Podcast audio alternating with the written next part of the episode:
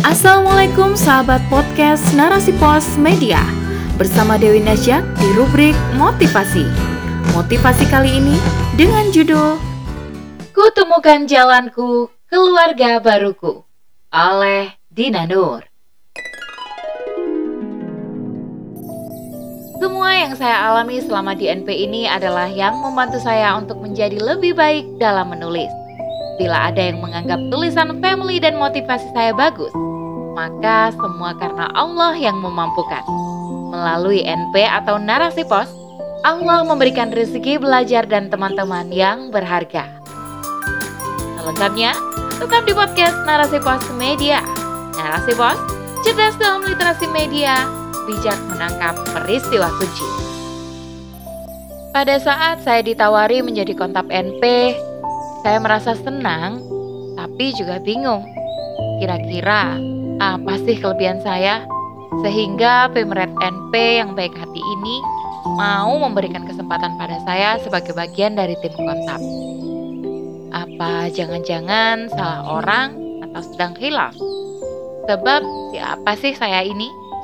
Saya merasa biasa-biasa saja. Namun, karena kesempatan itu datang, maka berarti memang sudah jalan saya begitu.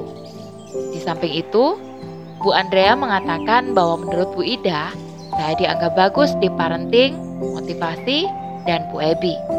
Seingat saya seperti itu.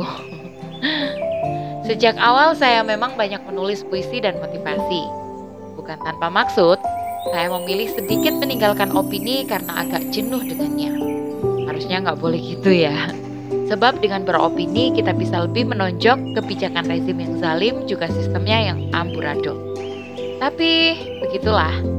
Ini saya sedang berusaha mengakrabi opini kembali. Walau lumayan sulit karena sudah nyaman di zona lain. Yap, kembali pada alasan kenapa saya banyak menulis puisi dan motivasi. Sebenarnya itu sebagai sarana saya melepaskan segala gundah, resah, sekaligus menguatkan diri saya dengan menulis tema-tema itu. Saya bisa lebih mengeksplor perasaan dan harapan, begitupun pemikiran saya. Awal-awal di kontak, saya merasa minder karena saya merasa tak ada kelebihan yang istimewa. Saya merasa biasa-biasa saja. Namun karena di tim ini banyak sharing ilmu dan motivasi, saya merasa beruntung bisa belajar dari teman-teman semua. Bagaimana menulis opini yang cetar membahana, membuat karya sastra penuh rasa, menulis motivasi yang mengena, membuat tulisan tentang family yang menyentuh di sukma, menulis mengalir bagai air seolah tak kehabisan ide, menulis di luar zona nyaman, menulis sesuai Bu Ebi, supaya bisa meringankan tugas admin dan editor, hingga menemukan keluarga baru di narasi pos atau NP ini. Pemret yang baik hati serta para admina yang telaten dan bijaksana menerima segala kekurangan kami, khususnya saya, memacu semangat untuk berupaya sebaik mungkin. Ini adalah sebuah episode kehidupan yang saya syukuri. Namun tak semua yang tampak bagus di dalamnya juga demikian. Apa yang terjadi di belakang layar penulis bisa sangat mengiris hati. Duh, sakit. Maksudnya, di balik sebuah tulisan yang sayang dan bisa dibaca banyak orang, ada proses yang berliku dan menguras emosi. ya, sebagaimana ibu lainnya, ujian terbesar adalah anak. Menurut saya sih, dikala sedang asik menulis, tiba-tiba anak rewel. Kebetulan anak saya istimewa, sehingga perlu diperlakukan istimewa pula. Padahal ide sudah diubun-ubun, tapi si bocil harus didahulukan. Jadilah sering tertunda hingga menghilang karena lupa. Meski begitu, kita tak boleh menyerah dengan begitu mudahnya, bukan?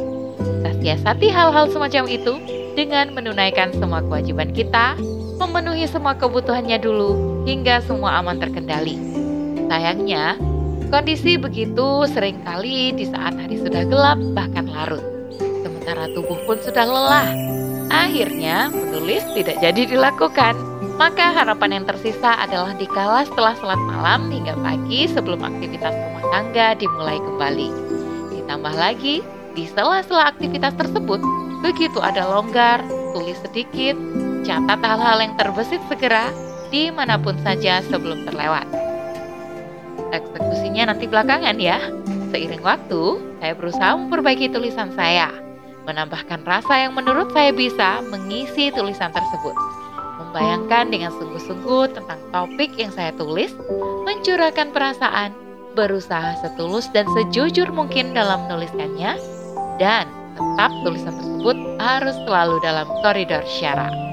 Saya yakin masih banyak kekurangan pada tulisan-tulisan saya. Namun hingga detik ini, saya masih memiliki keinginan untuk terus belajar. Berusaha untuk menimba ilmu dari siapa pun, dan di tim ini banyak yang lebih muda dari saya. Namun ilmu dan pengalaman mereka lebih banyak dari saya. Tidak apa-apa, ini bisa didapatkan dari mana saja, dari siapa saja, dan tak perlu malu dalam belajar untuk kebaikan. Yap, semua yang saya alami selama di NP inilah yang membantu saya untuk menjadi lebih baik dalam menulis. Bila ada yang menganggap tulisan family dan motivasi saya bagus, maka semua karena Allah yang memampukan. Melalui narasi pos, Allah memberikan rezeki belajar dan teman-teman yang berharga. Alhamdulillah.